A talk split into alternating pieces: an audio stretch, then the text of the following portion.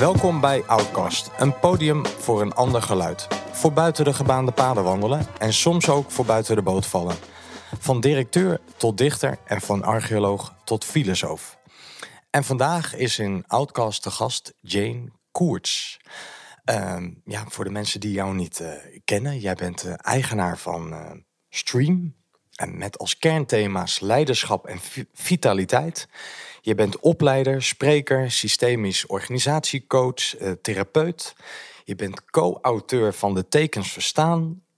en auteur van het boek Van Burnout naar Levenszin, waar we het onder andere vandaag ook over gaan hebben. Met de natuurlijke ordening als helend principe.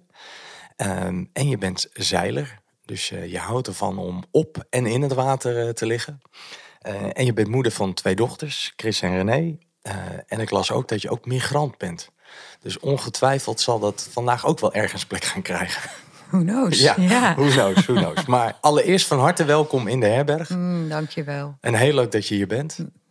En um, nou ja, om, om maar even ook zo af te trappen. Zo, zo, voordat we de opname net nou, nog even met elkaar in gesprek waren, vroeg je eigenlijk aan mij van Simon, hey, wat maakte nou dat je mij uh, hier hebt uitgenodigd? Nou, daar vertelde ik iets over. En ik vind het nu wel leuk om aan jou te vragen, wat, wat maakte dat jij nou ja hebt gezegd om op mijn uitnodiging in te gaan? Hmm, mooie vraag. Uh, ja, wat maakt dat ik ja heb gezegd? Nou, ik merk, A, um, sinds het uitkomen van het boek zijn er verschillende podcasts opgenomen met me. En ik merk dat ik het ontzettend leuk vind, um, de vorm. Omdat het niet zo gaat over um, eendimensionaal mijn kennis de wereld in strooien. Maar dat het veel meer een dialoog of een gedachtegang volgen is. Um, dus er is veel meer ruimte voor nuance. Ik hou ook van de tijd. Ik vind het mooi dat ze vaak ook wel een uur duren. Ja, ja, dat geeft wel een gevoel van, um, um, wat zou ik zeggen, een rustpunt in de tijd. Nou, ja. Mooi. Ja. En natuurlijk ben ik ook nieuwsgierig naar jou en ja. hoe jij het nou weer gaat aanvliegen. Ja, ja. Nou, ja. nou, en voel je sowieso vrij als je vragen aan mij wilt stellen, dan mag dat ook. Dus als je denkt, uh, we draaien even de rollen om, uh, voel je uitgenodigd. Maar uh, nou, dan weet je dat, dat we het allebei als een, als een gesprek kunnen zien. Mooi, dankjewel. Ja, en ik vond het ook wel leuk ik, hm. dat je nou net het woord tijd in de mond neemt. Want ik, ik las al zo'n mooi zinnetje in je boek van uh, psychiater uh, Dirk de Wachter. Wat als we tijd weer de kans geven om traag te tikken? Dus uh, nou, ik hoop dat dat in onze podcast, in ons gesprek vandaag lukt om de tijd een beetje traag te laten tikken. Ja, dat zou mooi zijn, hè? Ja, ja, dat we gewoon vergeten dat er überhaupt tijd is. ja. Nou ja, ja. Nou, dat, uh, dat terzijde. En de rode draad in, in Outcast is eigenlijk ook hoe je persoonlijke verhaal en je professionele verhaal elkaar raken en hoe ze resoneren met elkaar. Dus ja, ik vind het ook wel heel erg leuk om, om die kant van jou uh, zo uh, vandaag uh, te ontdekken. Ja. Dus ja, ik ben, ben heel benieuwd. Ik heb natuurlijk van alles al een beetje over je gelezen in je boeken en wat er zo achter in zo staat over wie jij bent als mens en wat ik zo online kon vinden. Um, nou ja, dus ja, heel benieuwd. Leuk. Ja. Leuk. hey, om um, nou, wellicht toch ook een beetje met de deur in huis te vallen. Want op de achterkant van je boek staat... Uh, de zaadjes voor burn-out worden al op jonge leeftijd geplant. En ja, ik ben eigenlijk wel benieuwd. Welke zaadjes zijn er bij jou op jonge leeftijd geplant? Hmm. Nou, in mijn boek van Burn-out naar levenszin beschrijf ik de onderliggende thema's die kunnen leiden tot een burn-out. Of die mensen gevoeliger maken voor een burn-out. En um, nou, een van de, de, de, Degene die het meest vooraan ligt voor mij is plekverwarring. Dus ik kan me herinneren dat mijn vader me in Australië met de kinderwagen over de houten vloer heen en weer rolde. En dat hij me vroeg van, wat moet ik nou met jou? Dus ergens besteedde hij daar al iets van zijn autoriteit uit... of van zijn volwassenheid uit, zou je kunnen zeggen. Ja, en legde die dat bij jou neer? En die legde dat bij mij neer. En, en later heb ik er ook wel een beeld bij gekregen. Ik voelde me echt zo'n kind in zo'n wandelwagen... met een babylijf en een volwassen hoofd. Ja. Ja, een beetje een gek beeld. Ja, een beetje een gek beeld, hè? maar, het, het, zeg maar in, in de beleving klopte het wel. Het is natuurlijk ook een vraag die je niet zo stelt aan een baby van zeven maanden. Wat moet ik nou met jou? En, je herinnert je, je dat nog wel toen hij dat zei? Omdat ik dan denk, hé, je was zeven maanden oud. Dus heb je dat misschien vanuit de overlevering meegekregen? Nee, dit zijn wel. Kijk, natuurlijk lag ik daar niet met een volwassen hoofd in die, in die wandelwagen. Maar dit zijn van die beelden die zo gaandeweg. Hè, ik heb veel aan persoonlijke ontwikkeling zelf gedaan. Dus het zijn zo van die beelden die gaandeweg de rit langskomen. Ja. En die ergens ook zo um, tot op celniveau inklinken. Dat je, oh ja, dat was het gevoel. Ja. Dus het beeld klopt niet en het beeld klopt wel. Ja. en dus het is niet het feitelijke beeld, maar het is wel uh, de energie ja. uh, van het beeld. Ja, ja. En, en was jij um, was je de oudste? Want volgens mij had je ook nog twee broertjes, toch? Ja, ik ben de tweede. De tweede. Ja, dus mijn oudste broer is eerst geboren en na anderhalf jaar kwam ik. Toen kon mijn oudste broer nog niet lopen. Dus ik heb me wel heel lang de oudste gevoeld. En na twee jaar kwam mijn jongere broer. Ja. Ja. En ja. En ik liep met elf maanden, dus ik was snel. En ik zat snel en ik kroop snel. En, hè, dus op veel oude foto's, daar zit mijn oudste broer bij mijn moeder op schoot en ik zit ernaast. Hè, terwijl eigenlijk zou je in de ordening zou je veel meer verwachten dat ik op haar schoot zou zitten en hij ernaast zou Ja. staan. Ja. Ja. En hoe kwam dat verschil? Nou, we hebben een andere blauwdruk, denk ik. En, en vertel even, wat bedoel je eh, met het woord ook blauwdruk? Want dat gaat een beetje over... Ja, dit trof ik aan in het, in het gezin waarin ik opgroeide.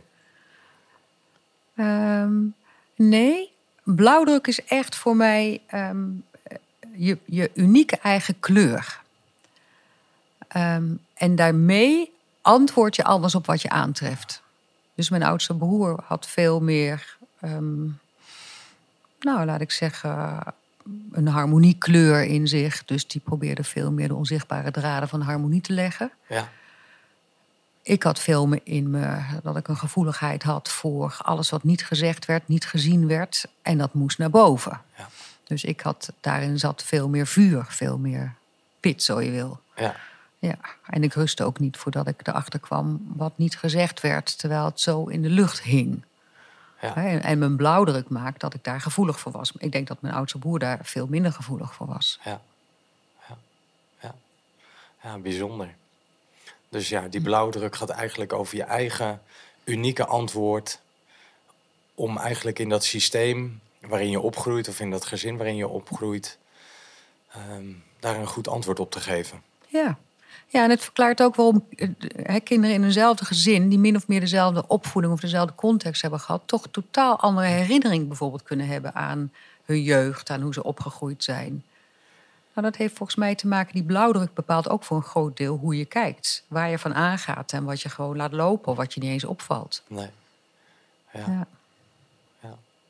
Nou ja, bij, bij alles wat je zegt, denk, denk ik natuurlijk ook terug aan mijn eigen jeugd. En ik weet ook wel goed dat ik met mijn broertje ook wel vaak eh, zo'n gesprek heb gehad. Dat ik, dat ik op een gegeven moment ook tegen hem zei van... eh, ik heb soms het gevoel dat jij en ik in een ander gezin zijn opgegroeid. Ja. En, eh, nou, en toen kwam er op een gegeven moment een moment dat hij ook een fragment deelde. Dat ik dacht, oh, nou, daarin overlapten we weer. Weet je, dat, dat er weer iets van herkenning ontstond en ook iets van gemeenschappelijkheid ontstond. Maar eh, ja, dat het, als ik zo naar je luister, dat ik wel denk, hé, hey, we hebben allebei daarin een andere plek vervuld. Ja, ja. En natuurlijk speelt ook mee je, je plek, hè, je geboorteplek. Dus of je de oudste bent, of de middelste, of de jongste. Dat, dat maakt ook uit. Hè, Dus, dus niet alleen blauwdruk, maar blauwdruk heeft wel een, een ja, is een belangrijk aspect Ja, ervan. ja. Ja. En, en wat is het verschil dan als je bijvoorbeeld de oudste bent of de jongste bent? Heb je daar, want in jouw geval, jij was de middelste.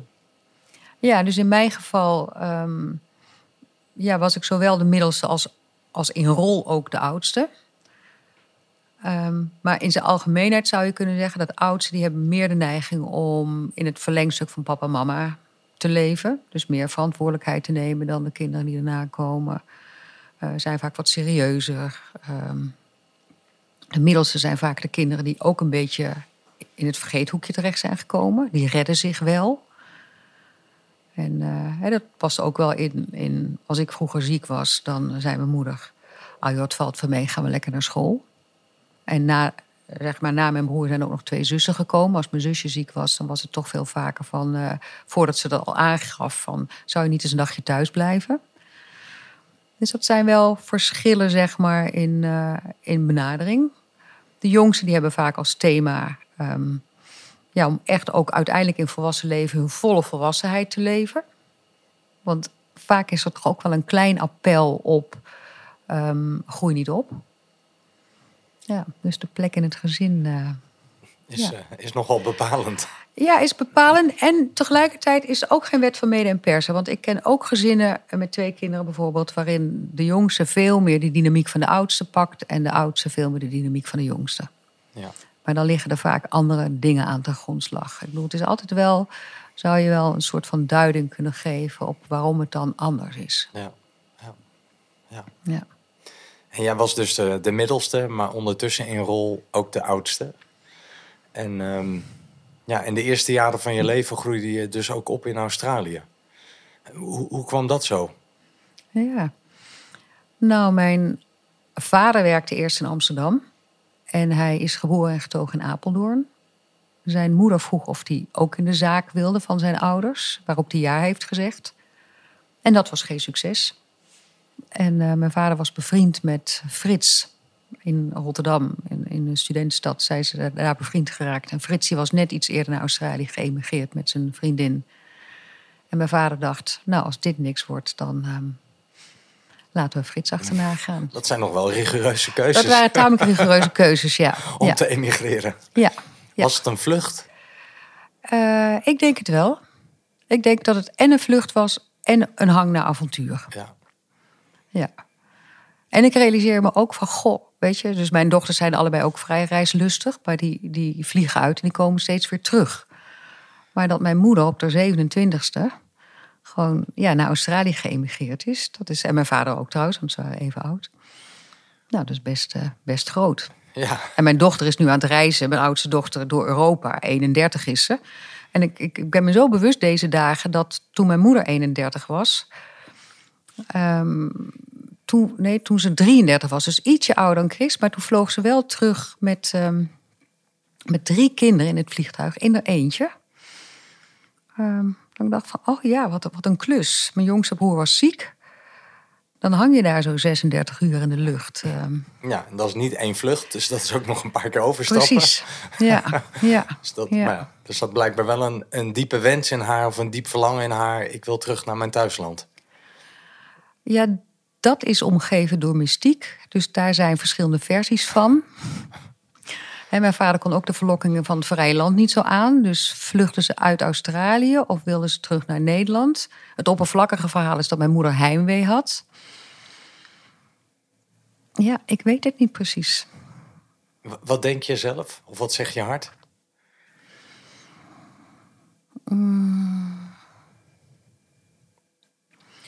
Ik denk dat ze geen vertrouwen in had dat als ze daar zouden blijven, dat mijn vader van zijn verslaving af zou komen. En dat ze gekozen heeft voor een context voor de kinderen waarin ehm, de verslaving in ieder geval ehm, ja, niet zo'n grote rol speelde als in Australië. Dat denk ik. En hij was verslaafd aan? Alcohol, gokken op paarden. Ja. Ja. Ja. Ja. Ja. ja. En, en, wa- en waar had hij dat voor nodig? Wat doofde hij hiermee uit? Ja, ja. Ehm, mijn vader is de jongste. Dus ik denk dat hij daarmee uitdoofde dat het niet gelukt was in het familiebedrijf, bijvoorbeeld. Maar zijn grootmoeder had in de oorlog ook voor de verkeerde kant gekozen. Terwijl de vriend die achterna reisde, die heeft in het Jappenkamp gezeten. Dus dat speelt ook mee, vermoed ik. Ik heb daar wel eens een opstelling over gedaan. Of dat kwam in een opstelling ooit aan het licht. dacht ik, oh ja, dit speelt ook mee. Ja. Dus ja, de verdoving van schuld en schaamte. Ja. Binnen jezelf en binnen transgenerationeel, zou ik zeggen. ja, wat over de generaties meereist. Precies. Ja. Ja, boeiend. Ja, en dat je moeder weer zocht naar een context of een omgeving van... eh, het is beter voor mijn kinderen, maar het is wellicht ook beter voor mijn man. Maar hij is pas een, een- nadien je moeder achterna. Ja. Wat, en wat was daarin dan de afweging? Want je moeder ging eerst met de drie kinderen, hij had ook meteen mee kunnen gaan. Of moest hij nog dingen afronden? Of was hij er nog niet klaar voor? Hij moest vooral zorgen dat hij vliegvaardig was. Dus hij was zo verslaafd aan alcohol, hij kon gewoon eigenlijk niet vliegen. Nee. Dus hij heeft daar eerst behandeling gehad en daarna is hij gekomen. Ja. Dus dat heeft ook, nou, dat is dan ook een, eh, een bijzondere interventie van je moeder geweest. Van ja, als je bij mij en je kinderen wil zijn, eh, ja, dan moet je eerst van je verslaving af zien te komen. Want anders mag je überhaupt niet, heb je geen ticket om terug te reizen. Ik denk dat het niet zo expliciet gezegd is. Nee, nee dat denk ik ook niet. Maar het is wel een, een bijzonder neveneffect van, eh, van zo'n keus. Ja, ja, ja. Maar ik bedoel, de vraag is in mij in ieder geval niet beantwoord of het de bedoeling was van mijn moeder om echt permanent naar Nederland terug te gaan. Nee. Dat, dat, daar zou ik niet volmondig ja op zeggen. Dus dat weet ik niet. Misschien dat ze dat pas besloten heeft toen ze weer in Nederland was. Dat ze dachten, het is hier wel eh, beter vertoeven. Ja. Ja, of ik heb hier iets meer bescherming of iets meer eh, context, houvast. Ja. Wat goed is voor mij. Ja. Nou, moeder. En dan eh, Moederland. Het eerste nummer van, eh, van vandaag. Wat je natuurlijk, eh, de muziek die je hebt meegenomen. Ehm, ik weet niet of Motherland daarmee te maken heeft. Maar ehm, ja, zullen- Absoluut. ja, Ja. zullen we er anders eerst even naar luisteren van Natalie Merchant. Ja, Motherland. En dat we daarna eventjes nou, erover filosoferen. Laten we dat doen. Ja.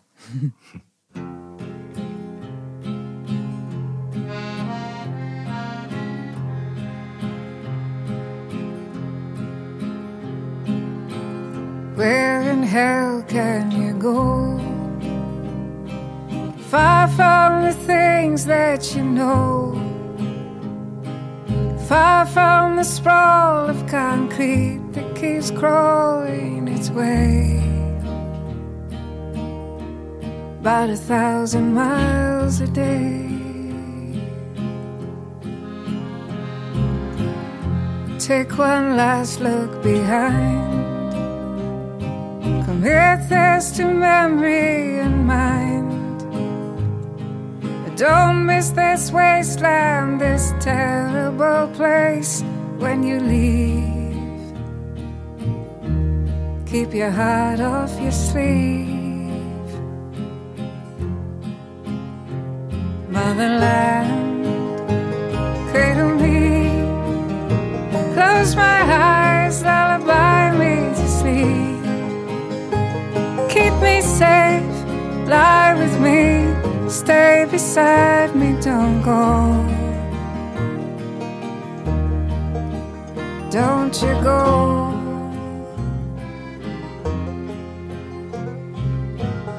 Oh, my five and dime queen. Tell me what have you seen? Lust and the avarice, the bottomless, the cavernous greed. Is that what you see? Oh, motherland, cradle me, close my eyes, to sleep. Keep me safe, lie with me, stay beside me, don't go. It's your happiness. I want most of all. And for that I'd do anything at all. Best of it. Or the most of all. If there's anything I can do at all.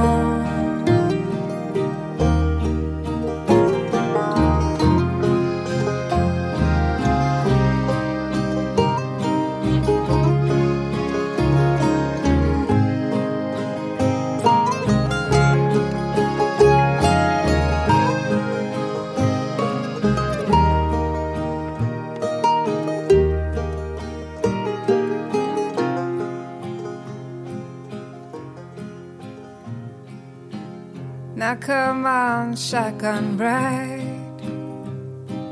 What makes me envy your life? Faceless, nameless, innocent, blameless, and free. What's that like to be?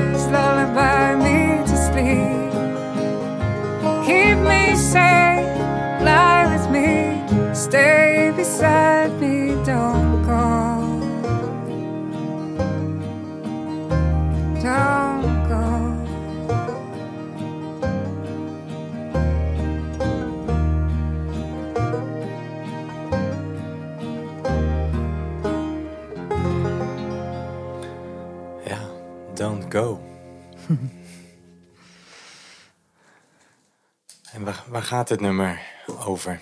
Als je zo kijkt naar je eigen verhaal. Ehm, nou, dat Australië echt mijn moederland is. In 92 ben ik pas voor het eerst teruggekeerd. En ik ben dus ehm, met mijn moeder naar Nederland. Die reis waar ik het net over had, was in 62.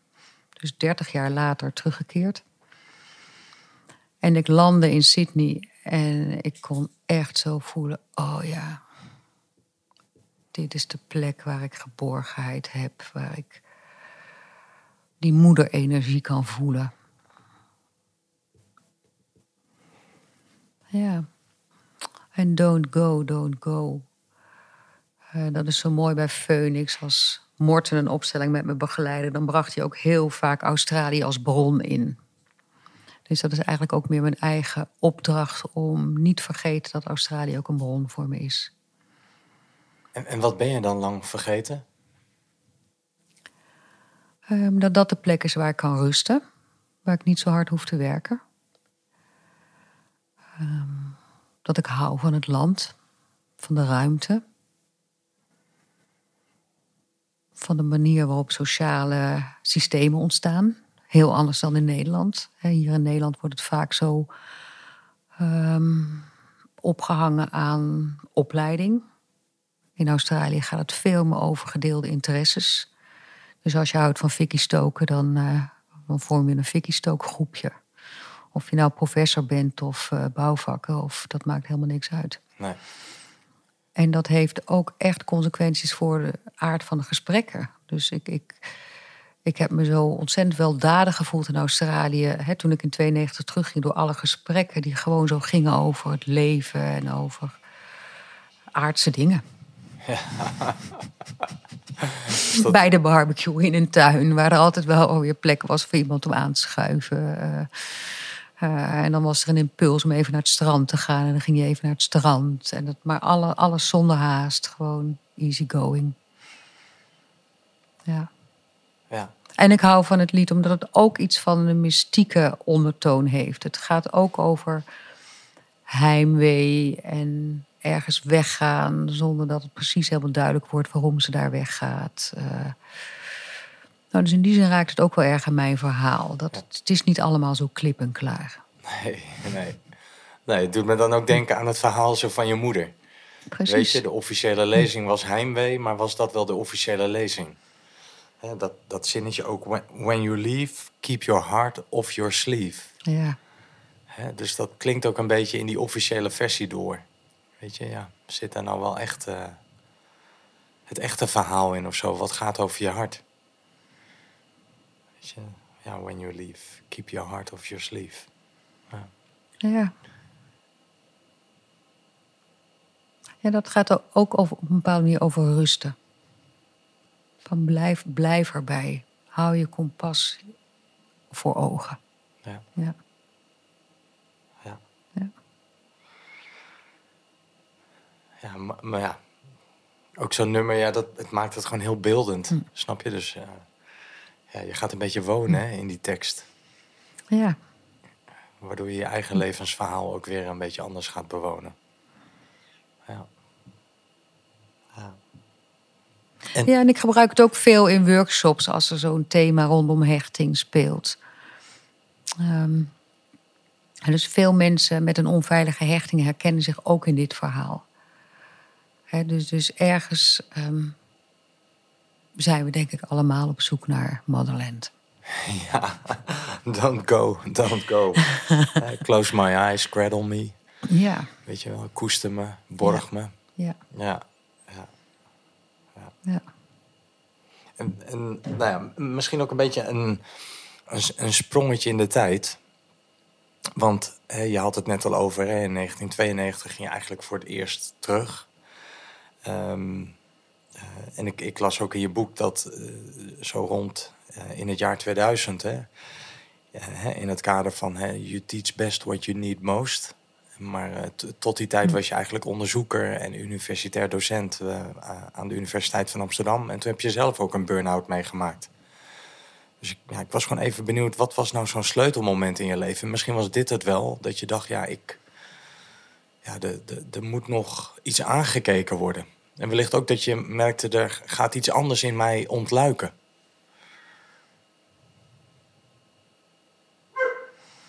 Het sleutelmoment was voor mij dat ik een keer door het Gein liep. En, ehm, Het riviertje zo het tussen Apkoude en Driemond. Voor de mensen die denken, waar Ja, heeft ze het over? Ja, ik ben zelf in Amsterdam Zuidoost opgegroeid. In woonwijk Het Gein. ja, ja. Dus nou dan kan je vernoemd- ook komen via het Gein. Ja, hè? daarom. Ja, Dus ik ken dat uitermate goed. Omdat ik er veel als kind eh, Ja. heb doorgebracht. ja, Maar voor de mensen die het niet kennen. Maar daar, daar liep jij dus, of daar wandelde je ja. dus. En het sleutelmoment was eigenlijk weer natuurlijk ook de burn-out. Maar wat nog meer het sleutelmoment was dat ik mezelf afvroeg... ehm, moet ik terugkeren naar de universiteit of ben ik daar ook klaar? Wordt het ook tijd voor een volgende draai in mijn leven? Ga ik een afslag nemen? Ja. Dus natuurlijk, eh, eh, daarvoor de burn-out, dat ik, de- ja, dat ik omgevallen was en dat ik niet die krachtige vrouw was waar ik me voor hield. Maar daarna toch zeker, en op een diepere laag, gewoon dat ik mezelf de vraag mocht stellen: moet ik hier blijven of ben ik hier klaar? En dat was ook mooi dat ik die vraag kon stellen. En toen bood mijn man, mijn toenmalige man, die bood me aan om een keuzetest, beroepskeuzetest Ja. laten doen. En ehm, nou, dat was echt fantastisch. Want die man heeft gewoon precies uiteindelijk aangegeven wat ik nu doe. Hij zei toen je binnenkwam, dacht ik van... oh, je gaat de alternatieve geneeskunst op. En nu je hier weggaat, eh, zou ik zeggen... op basis van alle tests die je gedaan hebt... je moet van alles gaan doen met communicatie en creativiteit. en ik denk, ja, het is echt een goede mix van die twee geworden. Ja. ja. En in je vrije tijd moet je tuin aanleggen. Nou, dat, dat- daar ben ik nog steeds veel te vinden in mijn vrije tijd. Dus eh, ja, Ja. ja. Wat grappig. ja. Maar, ja, de, de- en, en, maar in de jaren daarvoor, want in 92 ben je naar Australië gegaan. Dus dat was al zo'n omslagmoment ook. Want wa- wat was daarvoor de aanleiding? Dat je dacht, ik wil terug naar mijn, naar mijn moederland. Ehm, dat wilde ik natuurlijk altijd al. En ehm, ergens voelde dat ook een beetje als verraad naar mijn ouders. Omdat ik ook wel voelde dat ze daar niet helemaal ehm, vrijwillig waren weggegaan. Maar in 92 ben ik gepromoveerd. En opnieuw mijn toenmalige man, eh, die had als promotiecadeau de reis naar Australië.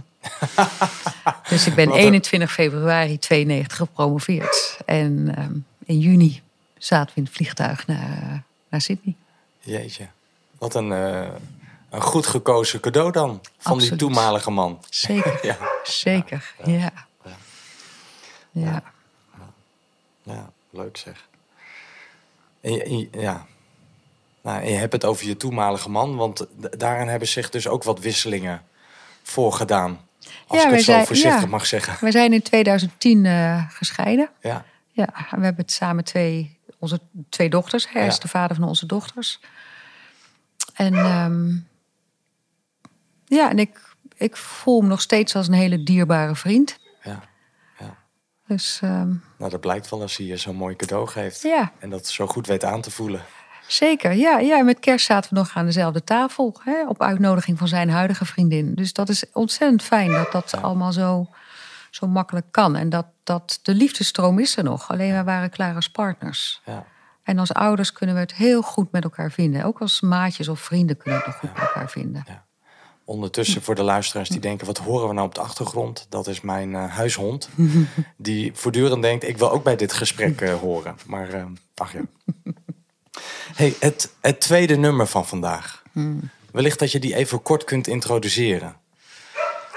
Welke heb je op nummer twee gezet? Want Ja, ik, ik, heb nou, er twee, van- twee- ja. ik heb twee en drie heb ik zo'n beetje... Ja, gecombineerd. Maar ik dacht, nou laten we gewoon beginnen bij de eerste die je hebt opgeschreven. Die van Helen Chahon. Ik weet niet of, ik, Ah. het, of ik het zo Ja? goed uitspreek. Gabriella Song. Gabriella Sang. Ja. Dat is een lied uit ehm, de film As It Is in Heaven. Fantastische film. Fantastische film. En ehm, ja, waarom heb ik dat uitgezocht? Omdat het ook in dat lied zo verschrikkelijk helder werd. Dat zij ook zo'n keuze maakte van... ehm, eh, vanaf nu draait mijn leven om mij. Ik wil leven sterk en vrij, hè, zingt ze dan ergens in het Deens. En ehm, ik, ik ken dat proces. Dus f- hè, mensen hebben ook voor mij gedacht wat me het beste zou passen. Maar ik had zelf ook altijd van die ideeën over wat mijn pad was. En daarin moest ik ook wel vaak niet loyaal zijn aan mijn nest van herkomst. Dus Ja. hè, in een gezin van vijf. eh, ik kom uit een gezin van vijf uiteindelijk. En ehm, ja, de boodschap was toch wel: wees een beetje trouw aan, ehm, aan de beroepen eh, die wij zo'n beetje voor jou eh, in petto hebben. Of Ja. die, ik, vooral mijn moeder. Voor jou in petto hebben. En ehm, nou, daar paste de universiteit wel bij. Maar bijvoorbeeld dit vak als coach, therapeut, systemisch werker paste daar helemaal niet bij. Ja. En, ehm, eh, en dat voelt zich ook terug in de vriendinnenkeuze vroeger. Dus t- ik, ik, ik wist natuurlijk heel goed welke vriendinnen oké waren in de ogen van mijn moeder, in de ogen van mijn ouders en welke vriendinnen niet oké waren. En ik voelde altijd zo'n drang. En ik heb een hele sterk ontwikkelde, ehm, ja, dit wel, dit niet. Dit past, dit past niet. Nee. Dus dat was best een, een strijd. Want nou ja, om, om bij het gezin te blijven horen, moest ik me natuurlijk aan de ene kant aanpassen. Conformeren. En aan de andere kant voelde ik die ontzettende drang om gewoon mijn eigen leven te leven. Ja. Nou, dat komt voor mij in dit lied eh, samen. Ja. nou, As It Is in Heaven. Ja. Gabriella's Sang. Det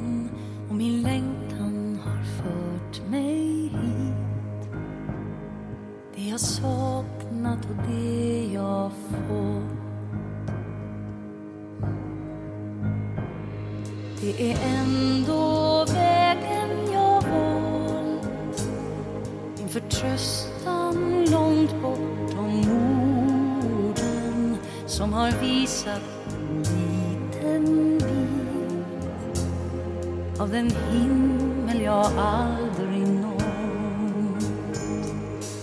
Jag vill känna att jag lever all den tid jag har Ska jag leva som jag vill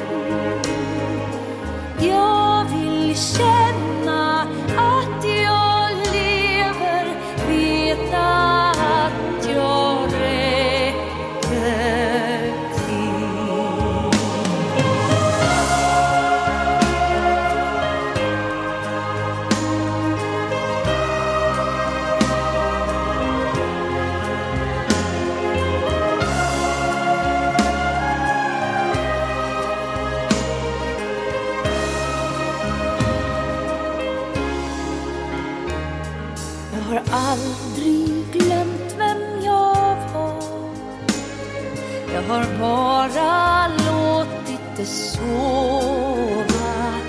Kanske hade jag inget val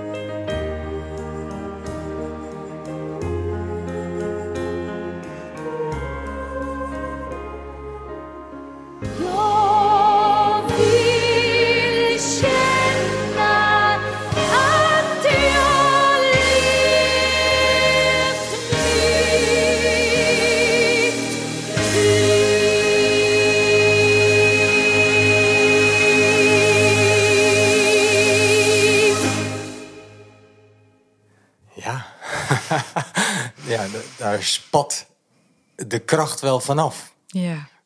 Ik kan zo voelen, iedere keer raakt dit lied me weer zo in het verlangen om mijn leven te leven precies zoals het voor mij bedoeld is. En hoe ik dat ook iedereen gun, hoe, hoeveel vitaler mensen daarvan worden. Ja, Ja, ja. ja. ja. dat laat wat de- een schitterend lied. ja, de tranen staan ook in je ogen. Ja. Want eh, Ja. wat raak je er zelf dan zo in als je het weer luistert? Wat maakt het in jou weer wakker of los?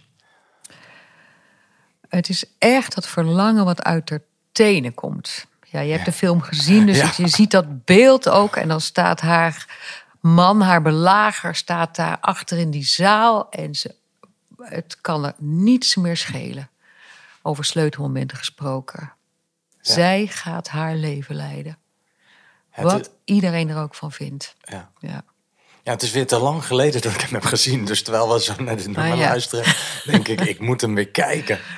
Het is echt zo'n eh, ja, 2004, een Zweedse film. Oscar ook gewonnen voor beste buitenlandse film. Dus voor de mensen die naar luisteren en denken, Ja. ik ken die film niet, ga hem kijken. Ja. ja. Het is echt prachtig. Maar eh, ja, die vrouw die komt eigenlijk onder het juk vandaan van haar man... die haar volgens mij emotioneel, fysiek ook mishandelt. ja. En dan in één keer weer eh, vol in het licht gaat staan. Hè? ja. Dat ze denkt, eh, ja, nu is het aan mij. Ja, on- onder aanvoering van een dirigent die gewoon zo'n hele dorpsgemeenschap wakker kust in verlangen. Ja. Ja, hè, want zij is natuurlijk ook de exponent met haar lied. Maar eigenlijk geldt voor iedereen die in zijn koor aansluit dat er iets wakker gekust wordt. Rondom verlangen, rondom liefde, rondom leven, rondom plezier maken. Ja. Ja, En hij heeft zelf ook nog wel een reis, hè? zeker. Ja. Ja. Ik kan me niet helemaal meer herinneren. Maar ook hij keert eigenlijk weer terug naar zijn motherland. Naar zijn, naar zijn, ja, naar zijn Zo thuisland. is het. Ja. En dat hij denkt, ik, ik heb hier ook nog wel wat eh, te verwerken. Want hij heeft volgens mij zelf ook een soort burn-out. Of er is een soort aanleiding in die film. Hij dat heeft een hij denkt, hartziekte. ja, ja. Dat hij denkt, ik moet terug naar Ja. mijn... eh, Ja, en zijn vader is jong overleden en hij werd door dezelfde man als die vrouw van eh, Helen werd hij ook gepest vroeger als kind in het korenveld. ja, ja, ja, dus het, ja, veel lijnen komen bij elkaar in die film. Ja, Nee, omdat je zegt korenveld, dan denk ik aan letterlijk het korenveld buiten. Maar het gaat hier ook over een koor, over een zangkoor. Ja. Dus er zit een soort dubbele betekenis Ja, in dat woord, ja. het korenveld. ja. Ja. ja. eh, nou, prachtig zeg. Ja. Ja. Ja. Nou ja, in, aan- in aansluiting op het boek, het gaat natuurlijk ook over hè, een van de onderliggende thema's. Als mensen hun passie niet volgen, eh, dat doet iets met je fysiek, met je gezondheid. Dus dit is ook zo'n ontzettend krachtig pleidooi om zo dicht mogelijk te blijven bij wie je bedoeld bent te zijn. Ja, ja. En dat, dat, en dat was- vitaliseert, dat maakt mensen gezond en levendig. En, eh, ja, ook een van de intenties dus met dat boek, hè? ja. Van, eh, ja, van burn-out naar levenszin. En dat was dus eh, in zo'n wandeling langs het Gein. Hè, Ja. Met de molens die daar staan. Precies. Ja, de le- molen van Mondriaan. Ja, en de lelies die daar heerlijk over het water drijven. Ja. Waarin ook van alles mystieks schuilt. Nou, en dat jij realiseerde, ik moet een andere afslag in mijn leven nemen. Ja. Ja, en eh, de beroepen die mijn ouders voor me in petto hadden, hoe goed die ook bedoeld waren, ik heb een andere, Ja. nou, ik heb het eh, roer om te gooien. Ja. Ja. Ja. Weet je, en ook in hun, hun ideeën over wat, vooral van mijn moeder, wat passend zou zijn voor mij. Er zat natuurlijk ook hun zorgzaamheid in. Hè? Nee. Dus het is natuurlijk niet alleen maar tegen of. Hè, ik bedoel, ze had zelf natuurlijk die run naar Australië gemaakt en het was niet gelukt. Maar ehm, ja, dus er zat zeker liefde en zorg onder. Alleen klopte het niet voor mij. Nee, Ja. nee ja, je had een andere, andere weg te Ik had een bewandelen. andere route. Nee, maar dat herken, her- ik denk dat de, nou, de meeste mensen dat wel, wel herkennen. Van in die ouders zit natuurlijk ook zorgzaamheid en liefde. En ja, dat ze graag willen dat het met jou beter gaat in het leven. Ja. Dus de gaten, de teleurstellingen die, die onze ouders zelf als kinderen hebben meegemaakt, ja, die willen ze jou besparen. ja, Maar ja, dat is hun antwoord wat ze projecteren op jouw leven. zo is En het. dat hebben ze juist nu eh, nou, even eh, ja, los te laten. Of heb je zelf op een gegeven moment, hè, de gevangenis heb je dan eh, weer zelf los nou, af te brokkelen. Ja. Ja. Hey, en het nummer wat daarna komt. Want je had er twee uitgekozen Ja. hierbij. Hè? Dat, ik, ik dacht, nou ja, John Mayer, Ja. In the Blood. Ja, dus dat is natuurlijk waar ik uiteindelijk in terecht gekomen ben. Zo dat systemische werk in de blad gaat zo over. De centrale vraag in, in de blad gaat over. ehm, moet ik herhalen wat mijn ouders, mijn systeem in de wereld hebben gezet? Of kan ik daar ook vrij van komen? Kan ik uit de wurggreep, kan ik uit het, eh, de dynamiek, het groepsproces, het groepsgeweten van mijn oude nest stappen?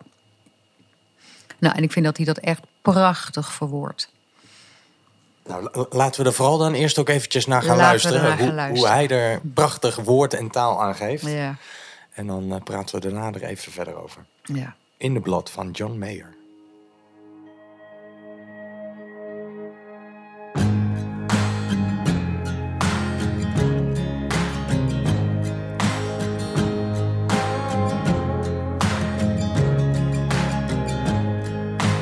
How much of my mother has my mother left in me? How much of my love will be insane to some degree? What about this feeling that I'm never good enough? Will it wash out in the water or is it always in the blood?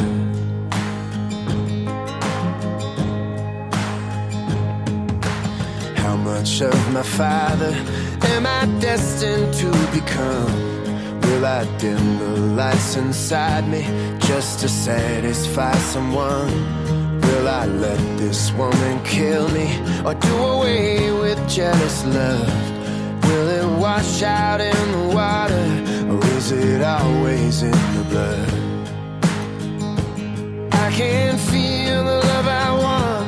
I can feel the love I need. But it's never gonna come the way I am.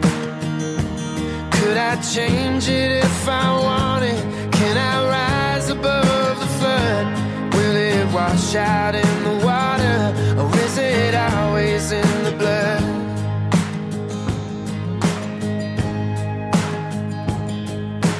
How much like my brothers do my brothers wanna be? Does a broken home become another broken family? Or will we be there for each other like nobody ever could? It wash out in the water or is it always in the blood? I can feel the love I want. I can feel the love I need. But it's never gonna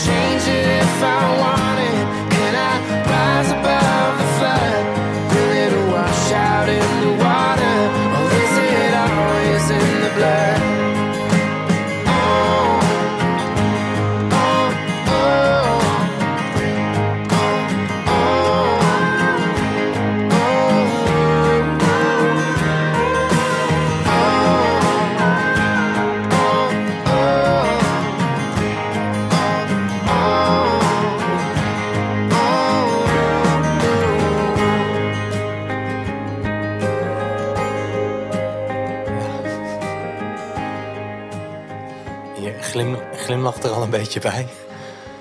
Ja. Wat komt er bij jou zo boven als je, als je hier zo naar luistert? Nou, will it wash out in the water or is it always in the blood? Dat is natuurlijk de, de, de cruciale vraag hierin. En, ehm, ja, en, en wat doen we om liefde en aandacht te krijgen? En dan krijgen we precies niet die liefde en aandacht waar we zo om verlegen zijn of die zo voedend is voor onze ziel. En toch hebben we dit allemaal nodig om uiteindelijk ook te kunnen groeien in het leven.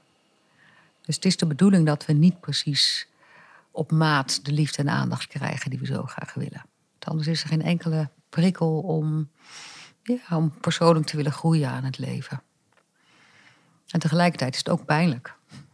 Ja, want? Nou, we willen natuurlijk allemaal ook gewoon de liefde precies op maat ontvangen. Ja, van ik vraag het erom of ik wil het nu toch hebben. Ja, En dan krijg je het niet. ja of eh, eh, je snapt mij niet. Als je nou dit of dat of dat. Maar dan zijn we zo met onze aandacht bij de ander. En dat, dat, eh, hè, dat is ook onderdeel van ons design. Hè, met onze aandacht bij de ander zijn. Want we moeten natuurlijk leren lezen wanneer we liefde en aandacht van onze ouders krijgen. Dat is, maar er komt een moment dat we onze eigen gezonde volwassenen ook in moeten gaan zetten. En dat we onszelf moeten gaan geven wat kloppend is. En, ehm, en dat betekent ons hoofd buigen dat we op een bepaalde manier nooit precies zullen krijgen wat we het allerliefst willen hebben. Dat dat een onderdeel is van ons design, van ons ontwerpen. Ja. En als, we, als dat niet zo zou zijn, dan zouden we ehm, snel uitgegroeid en uitgeleerd zijn. Of zoals Peter de La Haye ooit tegen mij zei. Stel je nou voor dat je op je tien op het podium had gestaan achter de of gezeten achter de vleugel. En je was een bekende eh pianiste geworden. Dan was je nu niet waar je nu bent. En dat kon ik zo met hem meevoelen, dat dat klopt. We hebben onze rafelranden, onze scheuren nodig om te kunnen groeien. Ja. ja. Through the cracks come the light. Is volgens mij zo'n uitspraak van eh, Leonard Cohen. Ja, there's a De crack in everything. Ja, Ja, That's how the light gets in. Ja, zoiets. Ja. Jij zegt, zo klopt die. Zo zo, klopt ja, die, ja, ja, Maar ja. ik hoor Ik dacht, daar duurt het me een beetje Ja, ja, Door ja. die scheuren heen moet het... eh, ja. kan Ja. het licht weer schijnen op de een of andere manier. Maar er zit ook iets frustrerends in. Dat ik denk, ja, je, je wil het graag... eh, Kan het niet lekker gladjes? nee. Ja. En ja. toch zeg jij, daar zit ook een prikkel in om dan weer te leren. Want als het allemaal zo zou gaan, dan, eh, ja, dan zit er ook helemaal geen eh, incentive in om eh, te groeien. Dan blijven we lekker in de comfortzone zitten. Dan, zit er, dan is er geen enkele ehm, ja, impuls om naar de groeizone te verplaatsen. Ja, Ja. ja. Ja. ja. Het grote dilemma van ons mens. Hè? Dus aan de ene kant zijn we pijnvermijders... en aan de andere kant zijn we gewoon natuurlijke organismen die willen groeien. Net als de bloemen, de bomen, ehm, de wereld om ons heen, de dieren. Ja. Ja, alles wat leeft wil aan de ene kant groeien. En we houden ook niet zo van pijn. Nee, dus er Ja. moet ook een beetje stabiel blijven. Ja, Een soort dualiteit. Waar we tot het einde mee eh, stoeien. Ja, ja, dat we die lemniscaat leren bewandelen. Zo van, eh, nou ja, allebei die uitersten gewoon kunnen voelen. En daartussen tussen kunnen meanderen. Ja, ja. Mooi. Ook een mooi beeld altijd van die lemniscaat. ja. Hey, en, en ja, toen op een gegeven moment, hè, want je hebt zelf die burn-out dus meegemaakt in 2000. En op een gegeven moment dacht je, ja, ik wil hier ook een boek van maken. Ehm, dus ja, want je had natuurlijk ook gewoon zo je werk kunnen blijven doen. En je bent dan wel co-auteur van de tekens verstaan.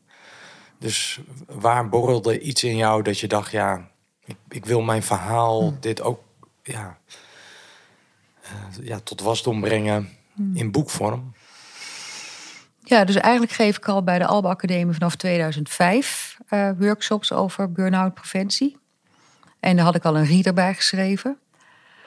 En op dat moment was ik nog bezig met het tekens verstaan. En dat schrijfproces heeft negen jaar geduurd. Dus dat was een tamelijk eh, Van de tekens verstaan. stevige bevalling. En ook met elkaar, dus met verschillende. Dus dat moet je ook allemaal op elkaar afstemmen. Dat is ook best ingewikkeld. Ja, Ja. was ook echt ingewikkeld. Ehm, dus toen de tekens klaar waren en ik verzoeken kreeg om een boek over burn-out te schrijven, was mijn eerste reactie nee. Nee, eerst, eerst pauze, een paar jaar pauze. En eigenlijk ben ik in 2019, goed ja, ben ik in september weer begonnen met, of ben ik begonnen om zeg maar aan dat boek te denken van burn-out naar levenszin. En eh, ben ik in ieder geval gaan schrijven zo in de septembermaand. Ik weet niet of jij dat kent, maar dus zo na die zomervakantie moet het allemaal weer een beetje op gang komen, dat werk. En ik dacht, ah ja, ja, dat is misschien wel mooi om aan dat boek te gaan beginnen. Nou, ik was nog niet bezig of het werk trok weer aan, dus het boek ging weer eh, een soort van Naar de eh, in- de la. En, eh, en toen brak corona uit. En toen heb ik eerst een maand lang ja, mijn hele huis opgeruimd, mijn boekenkast uitgemest, eh, mijn huis op orde gemaakt, uitgerust. eh, hè, ik voelde hoe moe ik was. En, en na een maand keek ik mezelf in de spiegel aan. En zei ik, wat, wat wil ik nou doen om zinvol, hè, om, om, om me zinvol te voelen? En toen kwam onmiddellijk dat boek langs. En vanaf dat moment ben ik gewoon begonnen. Na een paar hoofdstukken heb ik een uitgeverij aangeschreven. Die was enthousiast. En toen kwam er een deadline. En nou ja, van het Ja. een kwam het ander. en het boek zat natuurlijk eigenlijk al zo klaar in mijn hoofd, in mijn systeem. ja. Want nou ja, ik gaf er al natuurlijk eh eh, 14, 15 jaar eh, workshops over. En ik had het zelf meegemaakt. En, doorleefd Nou, ook. En onderdeel van die workshop is ook panel-interviews met mensen die ook al burn-out hebben gehad. En dus iedere keer, elke workshop werd mijn ideeën, werden mijn ideeën en mijn gevoelens over burn-out aangescherpt. Dus het was eigenlijk een kwestie van aftappen wat al in mijn systeem Ja. zat. Ja. Ja, dan Dus zeker het die snel. laatste maand, dat gaat snel. Ja. En het was ook een ontzettend fijn proces. Een heel ander proces dan, eh, dan de tekens verstaan. Hè? Wat natuurlijk ook op een bepaalde manier fijn was. Maar dat was in het schrijven moest ik het allemaal ook nog zo doorvrochten. Ja, boetseren. Ja. Terwijl eh, van burn-out naar levenszin, dat was eigenlijk dat verhaal was gewoon Al klaar. geschreven. En was, was Al geschreven. stond al in het universum. Dat hoefde ik alleen maar open te zetten, sluizen open en, en, pennen. Ja. En dan moet eh, schrijven en schrappen. Dus er moet dan ook nog structuur aan worden gegeven. Dus dat komt allemaal wel, maar gewoon het verhaal Ja, zelf en die stroomt. structuur die had ik al. Dus dat had ik in september staan. En op Ja. een bepaalde manier zou je kunnen zeggen... is het ook wel een... ehm, eh, in hoe ik het geschreven heb, was, lag de structuur heel erg vooraan. Dus het was geen complexe structuur. Dus die hoefde niet tien keer omgegooid te worden. Dus bij de tekstverstaan was dat wel wat complexer. Dus dat is nog wel eens wat verschoven. Maar eigenlijk heb ik in, van burn-out naar levenszin één verplaatsing gedaan. En dat was het. En ook, ook niet veel geschrapt. Nauwelijks eh, editorial eh, notes gekregen. Eh, het stond eigenlijk bijna in één keer op papier. ja, fascinerend. Ja, nou, waarschijnlijk had je in de loop der jaren al voldoende eh, editorial notes ge- meegekregen. Ja. Die je subtiel al plek had gegeven zo, eh, nou, in, het, eh, in het verhaal wat je in je eigen hart zo had geschreven. Ja. Ja, bijzonder. En, en wat is nou met name de, ja, de open zenuw die je met het boek wilde blootleggen? Waarvan je dacht, "Dat- wil ik met mijn boek toevoegen aan, aan al het andere wat hier wellicht al over is geschreven. Nou, twee dingen. Dat het niet gaat over symptoombestrijding bij burn-out, maar dat, je- dat je echt moet kijken naar wat zijn nou de onderliggende thema's waardoor iemand hier gevoelig voor is. Als je daaraan werkt op de identiteitslagen en met het hele lijf, Dan kan je iemand echt, eh, echt helen Ja. uit een burn-out. Dat is één aspect. Dus kijk vooral holistisch op de identiteitslagen naar onderliggende thema's. En het tweede is, ehm burn-out is niet een individuele aangelegenheid. De maatschappij is burn-out. Kijk hoe we in de maatschappij van onze plek zijn gegaan. Hoe we steeds maar doordenderen en geen aandacht hebben voor verdrietige momenten, verliesmomenten, eh, Voor rouw. voor rouw. Nou, ik vond het ook zo mooi, want ja, zelf ben ik ergens ook zo opgevoed dat nou, iemand gaat dood, je rouwt en dan gaat het leven weer verder. Terwijl met jouw boek, eh, en, en ook met andere werk, maar ik las het vooral in jouw boek heel expliciet, was het ook, ja, rouw komt eigenlijk ook weer terug gewoon in verschillende fases in je leven. Ja. Dat reist eigenlijk een leven lang met je mee. Ja. Dus dat is nooit echt eh, weg. Nee, zeker niet als het gaat om echt de, de, de, live events waar je over rouwt. Dat, dat, hè, Wiebe kan het zo mooi zeggen, de ziel geeft zijn geheim in de loop van het leven prijs, Wiebe Veenbaas. Ja. Dus in elke levensfase hebben we over onze grote thema's wel weer een bochtje te maken. En ehm, nou, dat is ook hoopvol, want dat, dat is ook mooi van ons ontwerp. Dat we gewoon niet alles in één keer hoeven te verstouwen. En dat, dat geeft ons ook realiteitszin in de zin van rouw is nooit. Hè, rouw, is. eh, dat, dat, hè, de AU gaat er misschien een beetje van af. Maar onze verliezen blijven wel ergens op de een of andere manier met ons meelopen. Dus je, je, je kunt ze integreren in je leven, maar je raakt, eh, de echte pijn gaat nooit weg. En soms is het wat minder en dan komt er weer iets op je pad. En dan ineens vlamt het weer als een idioot op. Dat kan. Dus om, om af, te, af te stappen van het idee dat rouw ooit over moet zijn. Ja. Het is een onderdeel van het leven. Ja. En, en, en onze grote levensgebeurtenissen, ja, die blijven van tijd tot tijd eh, onze aandacht vragen. Ik las afgelopen weekend in de Volkskrant eh, interviews met ouders. Wiens kinderen eigenlijk door eh, doding om het leven zijn gekomen. Hè? Dus niet door zelfdoding, maar doordat ze zijn eh, ja, vermoord door hun partner. Of eh, nou ja, eh, ja, gewoon eh, nou, buiten hun, eh, hun, hun doen om. Om het leven zijn gekomen. En, en een van die ouders schreef het ook zo mooi van... ja, we houden ook niet van het woord verwerken. Maar ze hadden het vervangen, ver- vervangen door het woord verweven. Dus Ja. het verlies of het, ja, het verdriet om onze dochter hebben we verweven in ons bestaan. Verwerken klinkt zo definitief, alsof je het ja, verwerkt hebt. Ja, Maar ze zegt, nee, we hebben het verweven. ja, Dus dat doet me dit ook een beetje aan denken. ja, ja. Nou. Ja, het wordt onderdeel van je levensverhaal. Ja, ja. Hoe pijnlijk ook. Ja, Ja. En dat het dan van tijd tot tijd wel opvlamt, zoals jij dat zegt. Ja. ja. En, en, en wat is dat in jouw verhaal? Wat, wat vlamt er van tijd tot tijd in jou weer op?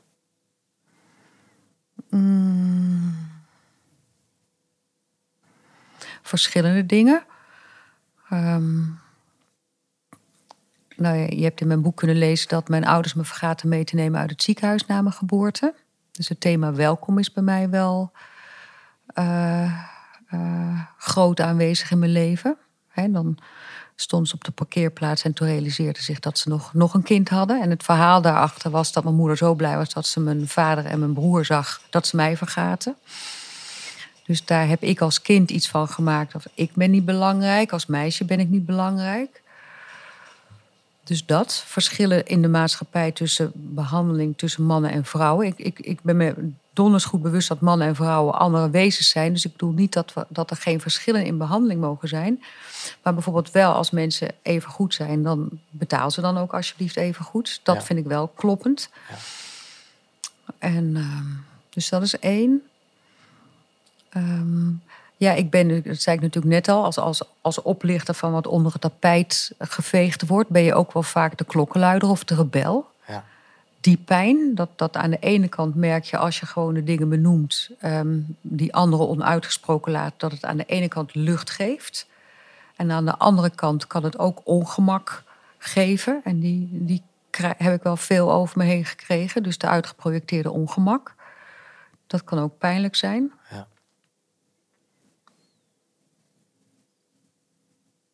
Ja. Dus als ik kijk naar mijn plek tussen mijn broers en mijn zussen. Inmiddels voel ik me daar heel senang in. Want je zussen zijn later geboren in Ja, Nederland. die zijn dus. in Nederland geboren. Ja. Ja. dat is een tweeling. Die zijn zeven jaar na mijn jongste broer. Nee, Ja. vijf jaar na mijn jongste broer. Zeven Ja. jaar jonger dan ik. Geboren. Ja. Dus, ehm, ja, dus het heeft lang geduurd voordat ik mijn eigen anders zijn ook echt vol omarmd heb. Dat, dat eigenlijk begint dat. Dat is wel fijn van het boek. Ik merk dat vooral het laatste hoofdstuk, waar ik erg dol op ben.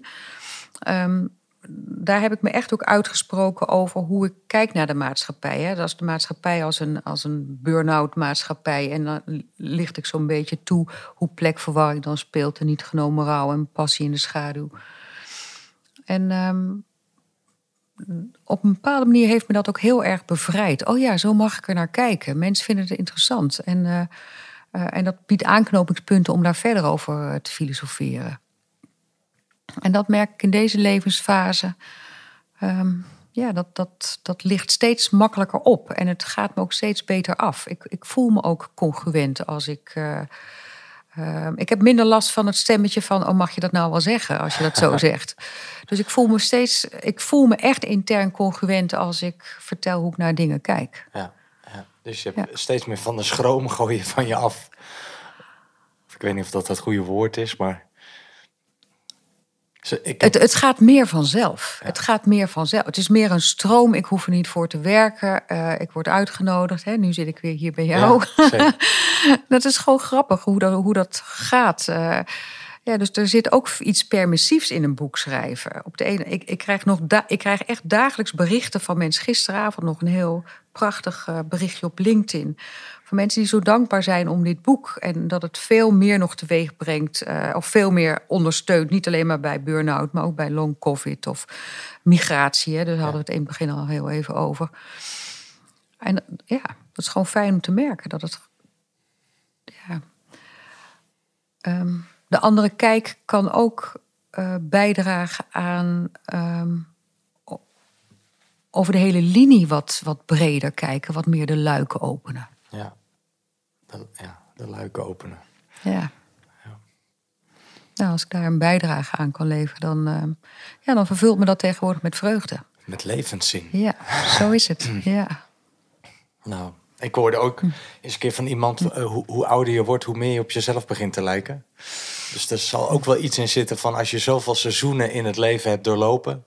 ja, je, ja, je komt steeds dichter dan bij, Ja. je, bij je eigen kern dan op de een of andere manier. Of zoals jij het zegt, je wordt steeds congruenter. Ja, ja, Eh, en, ja. eh, En ik ben het niet uit de weg gegaan. Ik heb dus ook echt wel, ik ben, ik ben echt door mijn leven heen steeds bereid geweest om aan te kijken waar ik last van had of wat in de weg zat. Of dat helpt ook. Ja. En, en waar komt dat vandaan? Want dat is ook niet, wellicht niet iedereen gegeven. Dat Nee. is ook een soort ja, moed of een soort. Ja, dat, ja, dat moet ook maar gewoon. eh, ja, Ja, nou, ik zou zeggen, dat is ook blauwdruk. Dus mijn interne drive is eh, een diep verlangen om het leven te snappen. En aangezien ik daar onderdeel van uitmaak, Absoluut. ook om mezelf te snappen.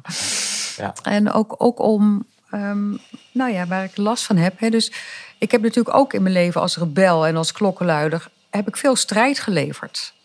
Totdat ik het zo zat was om steeds in die strijd terecht te komen... dat ik heb onderzocht van, hé, hey, wat maakt nou dat ik steeds in die strijd terecht kom? En dat betekent wel iedere keer ook weer naar je eigen aandeel kijken in strijd. Van hoe beweeg ik hierin? Hoe beweeg ik hierin? Ja. Ja. Nou, we gaan eens bewegen in het laatste nummer eh, van de dag. Of laatste muziek. Ja, bewegen. Ja, het beweegt sowieso. Want het, eh, ja, het is klassieke muziek. En ehm, nou, dat, dat gaat ook wel een beetje over waar je nu vol van bent. Of waar je nu naar verlangt. Of middenin zit. Misschien ook wel een soort groet naar de toekomst toe. Ehm, ja, wil je er nog iets over zeggen? Voordat we ernaar gaan luisteren. Ja, nou dat, dat lied is heel erg verbonden voor mij met ehm, Jan-Pieter van Lieshout, de dansmeester. Die hebben we een uitgenodigd toen ik een leiderschapsprogramma gaf bij Ludens. En hij kwam de trap oplopen en wij, ehm, onze ogen ontmoeten elkaar. En het is alsof we diep in elkaars ziel kijken. Wij kennen elkaar. En ehm, hij heeft met dit lied gewerkt. En later ben ik hem nog een paar keer tegengekomen. Tegenwoordig zitten we in een parallel programma. Heel erg leuk bij het. Ehm, ja, van de Algemene Bestuursdienst. En dan denk ik, oh ja, en steeds als we elkaar zien, is er even dat, die blik van herkenning. Ehm, en ik weet niet of je hem kent, maar hij danst dus, nou hier met deze, op deze muziek begint een dans en gaandeweg dans je wat vrijer en dan danst hij je na en dan vertelt hij, afhankelijk van wat de vraag is, maar in dat geval was het gewoon wat is ons levensthema of wat is ons leiderschap-issue. En dan vertelt hij daarover. En hij was bij mij ook echt zo spot on. Ook over je eigen kleur bekennen. En gewoon het leven leiden zoals het voor jou bedoeld is. Daar herkende hij mij helemaal in. En ehm, ja, het was een ontmoeting die, die me diep in mijn ziel geraakt heeft. En als ik dat nu ook weer zo terughaal, dan zie ik hem nog weer die trap opkomen. En samen ook weer naar beneden, naar de koffie. En En dit was bij Ludens. bij Ludens, ja. Ludens betekent ook het spelende mens. Of het De spelende mens. Ja, ja. homo. Ludens. Ja, precies. Ja, ja, ja, ja, ja. Ja, er werd iets spelends wakker gekust. Ja, ja. En op, op een andere manier dan ehm Gabriella Sang eh, roept dit nummer ook heel erg diep mijn verlangen. Maar dan gaat het veel meer over ook ehm, meer de vrouwelijke energie in de levensstroom inzetten. Meer het, het, het meer laten gebeuren, meer op een pad laten komen. Ja. En dus waar we in het begin heel even over hadden van, oh ja, ik ben 65 geworden en dat ik eh, vorig jaar september ook wel last had van dat beeld van, oh jee, nou moet ik langzaam gaan denken aan afbouwen en eh, wie ben ik nou nog zonder mijn werk. Ja. Ehm, dat in deze levensfase komen de dingen meer op mijn pad. Het komt meer naar me toe. En dan komen er ook weer nieuwe dingen bij. Hè? Zoals dus, we gaan in september ga ik met Von Gogh ga ik Sporen van de Ziel een tweedaagse begeleiden. En met Paula Kolthoff ga ik voor jonge leiders een programma ontwikkelen over hoe kan je nou leiden terwijl je meer in je lijf zit. Zodat je ook eh, stress veel beter kan integreren. En zodat je gewoon blijft staan als het spannend wordt. Ook al ben je nog, nog niet zo ervaren als leider. En dat zijn niet dingen die, die ik opgezocht heb, maar die komen dan veel meer stromend op dat pad. Ja. Als ik naar deze muziek luister, dan hoor ik ook water. Dit is gewoon watermuziek. Het is gewoon vloeibaar. Het is, eh, Nou, je eigen bedrijf heet ook Stream. mijn eigen bedrijf heet ook Stream, dus het, het, het Is de past cirkel weer rond? Ja, precies. Ja, ja, Nou, daar gaan we lekker naar luisteren. ja. Het is, ja, ik weet niet of ik het goed uitspreek. Het is van... Pa-. Ja, Pachelbel. Nou ja, eh, gewoon prachtige muziek. Gaan we lekker naar luisteren. is goed. Ja.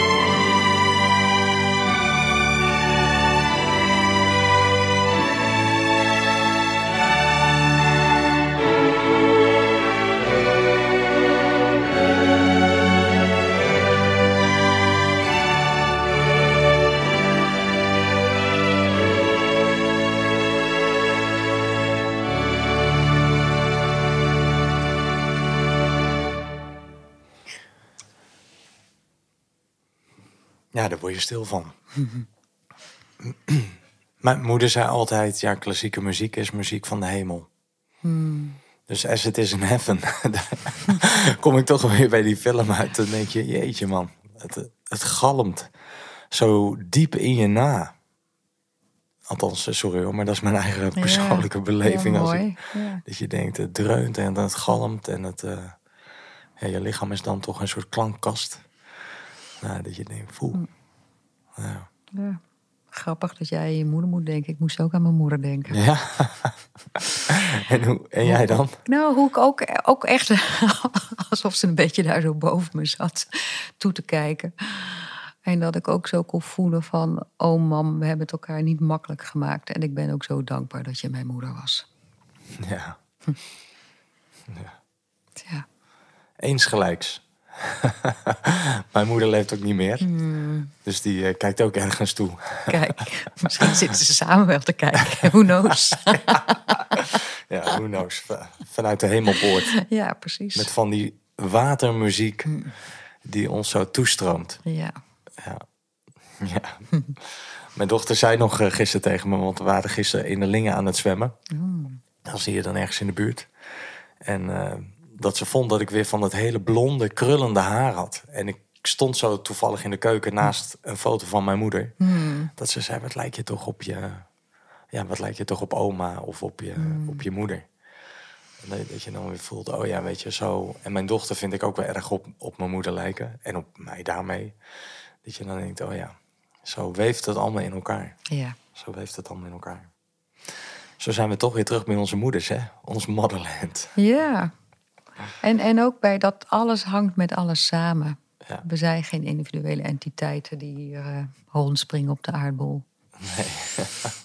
Op de een of andere manier zijn we allemaal met iedereen verbonden. Ja, En het nauwst met onze moeder. Ja, ja, daar komen we uit voort, hè? daar komen we uit voort. Nou, zo in het slot van dit gesprek. Ehm, w- wat heeft jou dit gesprek zo weer gebracht? Nou, dus toen ik naar Pachelbel aan het luisteren was, realiseerde ik me zo van ehm, hoe goed het is om een verhaal te vertellen, omdat ik er dan ook weer meer vrij van word. Dus dat ik nu ook zo kan voelen hoe dankbaar ik ben voor mijn moeder en voor mijn leven. En dit is mijn leven. Zo, zo is het bedoeld. nou, dat vind, dat vind ik eigenlijk wel een hele fijne constatering. Ja, En dus het helpt om, om steeds losser te komen, ook op een bepaalde manier van mijn eigen geschiedenis, door het verhaal waar ik uit voortkom ook te vertellen. amen. Amen. Zo is het. Zo is het goed.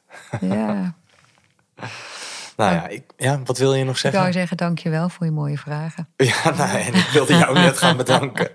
Dat ik denk, ja, v- ja voor het ja, jezelf openstellen. Weet je, ik denk, ja, het is ook zo'n gesprek is ook een dans. Weet je, ja, en het, het, het moet ook, ja, het moet ook maar ontstaan. Weet je, dat, dat jij even een luikje openzet en eh, dat ik met je mee mag kijken over je schouders. Van, ehm, ja, weet je, hoe het er bij jou uitzag. eh, die eerste fase van je leven in Australië, in je moederland. Eh, Een vader die dan tegen je zegt, wat moet ik nou met jou? En dat je dan al voelt, hè, dat thema van plekverwarring. Je bent de middelste, althans toen, op dat eh, moment. Later op in de tijd kwamen er nog eh, twee zusjes bij. Dus was je de ene oudste. Maar in je rol voelde je soms al een beetje de oudste. Nou, in je blauwdruk, het antwoord wat jij zo hebt gegeven... als klokkenluider, als rebel... datgene wat ongezegd blijft in het licht willen zetten. Nou, en dan eh, hoe we dan in de tijd doorreizen aan het gein. Hè, en, en een man die jou een reis naar Australië cadeau doet. Ehm, in 1992, 30 jaar nadat je bent vertrokken. Je moeder met drie kinderen in een vliegtuig weer de reis terugmaakt. Zogenaamd onder de noemer van heimwee. Maar ondertussen met veel meer mystiekheid eronder. Maar ja, dan aan het gein en dat je dan voelt... ik heb een andere afslag in het leven te maken. As it is in heaven. Vanuit een soort mannelijke energie. Nu breek ik los van wat mijn ouders voor mij in petto hadden. En ik mezelf ook lang heb aangepraat. Maar dat verhaal ga ik nu eh, losweken of van mezelf losmaken. En dat je dan de communicatie, creatieve, alternatieve geneeskundige kant eh insla.